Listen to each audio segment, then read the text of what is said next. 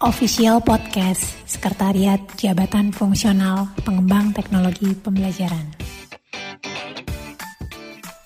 Melalui podcast ini, Anda akan mendapatkan informasi seputar Jabatan Fungsional Pengembang Teknologi Pembelajaran atau yang sering dikenal dengan PTP.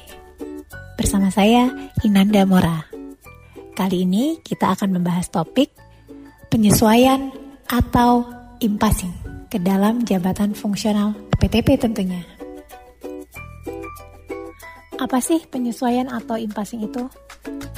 Penyesuaian atau impasing itu merupakan suatu proses pengangkatan seorang PNS ke dalam jabatan fungsional PTP di mana pengangkatan tersebut dalam rangka pemenuhan kebutuhan atau formasi pada instansi, kementerian, lembaga, pemerintah. Jadi, dasarnya ada kebutuhan dulu, baru impasing atau penyesuaian dapat dilakukan. Seperti namanya, penyesuaian, maka proses yang terjadi di dalamnya adalah adanya penyesuaian pangkat golongan seorang PNS yang masih aktif ke dalam jenjang jabatan fungsional PTP. Jenjang jabatan fungsional PTP terdiri dari PTP ahli pertama, PTP ahli muda, PTP ahli madya, dan PTP ahli utama. Namun, untuk penyesuaian atau impasing ini hanya diberlakukan sampai dengan jenjang madya. Yang disesuaikan adalah pangkat, golongan, jenjang pendidikan, dan masa kerja seorang PNS dalam satu pangkat golongannya.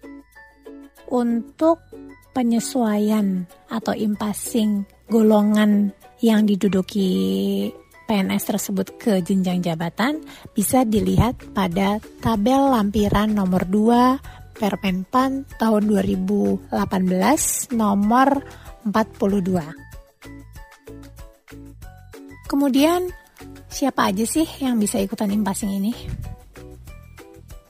Yang bisa ikutan impasing ini antara lain pertama PNS yang selama ini dan masih mengerjakan tugas yang terkait dalam bidang pengembangan teknologi pembelajaran dengan dibuktikan adanya SK pelaksanaan tugas. Yang kedua, seorang PNS yang juga masih melakukan pekerjaan pengembangan teknologi pembelajaran dan pada saat dia diangkat jadi PNS atau CPNS berdasarkan formasi jabatan fungsional PTP dan saat ini sudah naik pangkat ke 3B.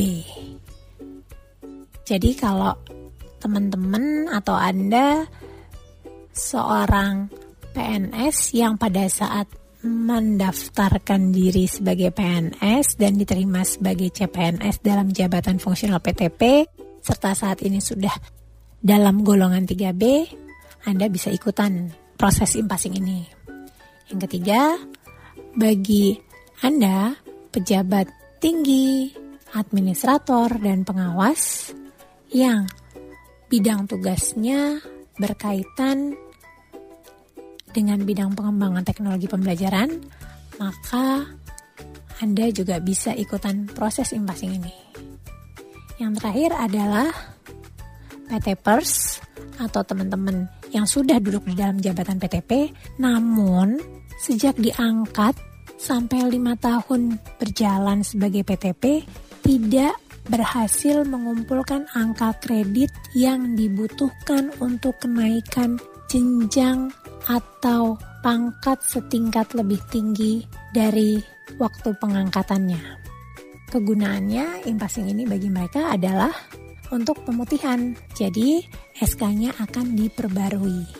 Nanti angka kredit dan jenjang jabatan sama seperti pada saat pertama kali diangkat, namun TMT-nya saja yang akan diperbaharui mengikuti TMT masa impasing Pers.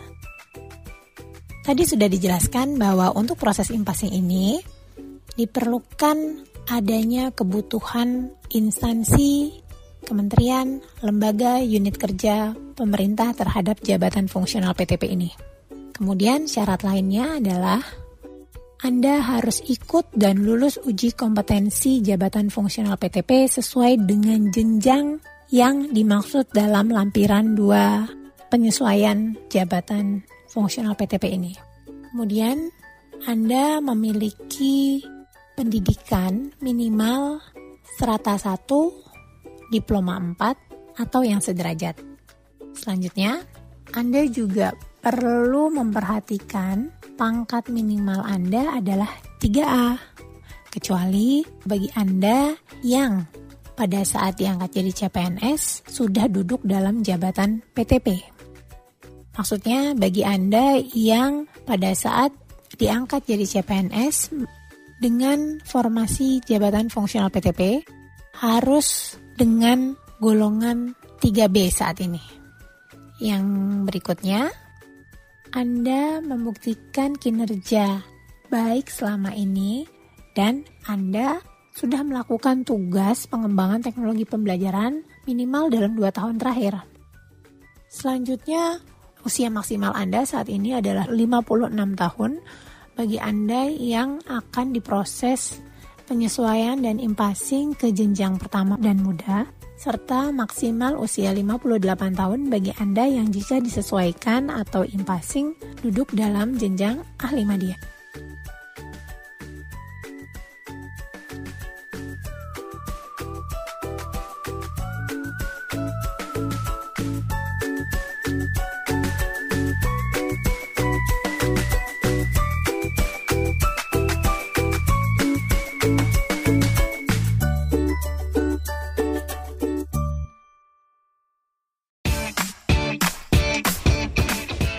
Official Podcast Sekretariat Jabatan Fungsional Pengembang Teknologi Pembelajaran. Melalui podcast ini, Anda akan mendapatkan informasi seputar Jabatan Fungsional Pengembang Teknologi Pembelajaran atau yang sering dikenal dengan PTP. Bersama saya, Inanda Mora. Oke, sekarang kita akan membahas salah satu tahapan dalam proses penyesuaian atau impasing ke dalam jabatan fungsional PTP, yaitu uji kompetensi JFPTP. Pelaksanaan uji kompetensi JFPTP ini dilakukan secara daring ataupun online yang dapat diakses melalui http japfung.kemdikbud.go.id. Ketika Anda sudah mengakses laman tersebut, maka Anda akan melakukan beberapa tahapan. Yang pertama, pembuatan akun atau registrasi. Yang kedua, pengisian biodata. Yang ketiga, pengunggahan berkas. Dan yang keempat, pengiriman usul keikutsertaan uji kompetensi Javung PTP. Dan semua tahapan tersebut dilakukan secara online. Ada baiknya sebelum melakukan proses tadi, Anda sudah menyiapkan beberapa file yang dipersyaratkan untuk pendaftaran uji kompetensi Javong PTP. Yang pertama adalah file foto 3x4 maksimal 2 MB, formatnya bisa JPEG, GIF atau PNG. Yang kedua, file SK kenaikan pangkat terakhir. Yang ketiga, file SK jabatan terakhir. Yang keempat, file ijazah terakhir. Untuk ijazah terakhir, pastikan ijazah yang akan Anda lampirkan gelarnya sudah tercantum dalam SK pangkat terakhir Anda. Artinya, gelar tersebut atau pendidikan Anda sudah diakui oleh BKN. Jika di SK Anda belum tercantum, maka Anda bisa mengecek apakah sudah Anda dapatkan persetujuan teknis atau pertek dari BKN tentang gelar pendidikan terakhir Anda tersebut. Jika itu sudah dimiliki, silahkan diupload juga perteknya. Yang kelima adalah file surat usul dari PPK. Terakhir, file surat pernyataan melaksanakan kegiatan teknologi pembelajaran selama 2 tahun. Untuk dua file terakhir yaitu surat usul dari PPK dan surat pernyataan melaksanakan kegiatan teknologi pembelajaran selama 2 tahun dapat Anda unduh pada aplikasi kami. Sehingga Anda tinggal mengisi format yang sudah ada, ditandatangani pimpinan atau pejabat yang berwenang, kemudian Anda scan dan Anda upload kembali atau Anda unggah ke dalam akun Anda. Semua file tadi pastikan dalam bentuk PDF formatnya, kecuali untuk file fotonya. Sebelum Anda melakukan pengunggahan file tadi, Anda akan diminta untuk membuat akun. Anda harus mendaftarkan akun Anda dengan membuat user dan password, serta alamat email. Pastikan Anda ingat betul password dan alamat email yang Anda gunakan juga aktif, karena Salah satu alat komunikasi kita nanti menggunakan alamat email Anda tadi. Termasuk pada saat Anda akan melakukan reset password, pasti akan dikirim ke alamat email yang Anda daftarkan. Setelah Anda meregistrasi atau membuat akun, maka Anda diminta untuk mengisi biodata. Beberapa hal perlu dipastikan seperti nama, NIP, jabatan terakhir, pendidikan terakhir, pangkat golongan terakhir harus sesuai dengan file yang nantinya akan Anda unggah. Misalnya, di dalam biodata Anda menyatakan bahwa saat ini Anda dengan golongan 3C, namun Anda mengunggah berkas SK pangkat terakhir yang masih 3B. Itu bisa jadi masalah pada saat kami memverifikasi berkas Anda dan berpeluang untuk tidak meluluskan secara administrasi karena terdapat ketidaksinkronan data yang Anda berikan. Jadi mohon diperhatikan bahwa antara file yang Anda unggah dengan biodata yang Anda isi sama, terutama untuk golongan dan pangkat. Karena golongan akan kami gunakan sebagai penentu jenjang mana yang akan Anda ikuti ujiannya. Setelah Anda isi semuanya, nanti kemudian tahap selanjutnya Anda melakukan unggah berkas. Berkas yang tadi Anda tinggal unggah, kemudian Anda klik kirim, dan terakhir Anda akan mengirimkan seluruh usulan itu dan selanjutnya kami akan melakukan verifikasi berkas Anda. Setelah kami melakukan verifikasi berkas, anda akan dapat melihat pengumuman daftar nama peserta uji kompetensi di website kami. Jika nama Anda masuk dalam pengumuman kelulusan seleksi administrasi, maka pada tanggal yang ditentukan Anda silakan login menggunakan akun saudara untuk ikut ujian di jenjang yang telah ditentukan. Namun, jika secara administrasi Anda dinyatakan tidak lulus, maka pada hari H pelaksanaan uji kompetensi, Anda tidak dapat login ke akun Anda untuk ikut ujian. Jika Anda adalah peserta uji kompetensi, maka Anda tinggal login ke akun Anda, nanti akan muncul soal sesuai dengan jenjang Anda. Sebelum memulai mengerjakan, pastikan betul jenjang yang keluar soalnya dengan golongan Anda sesuai.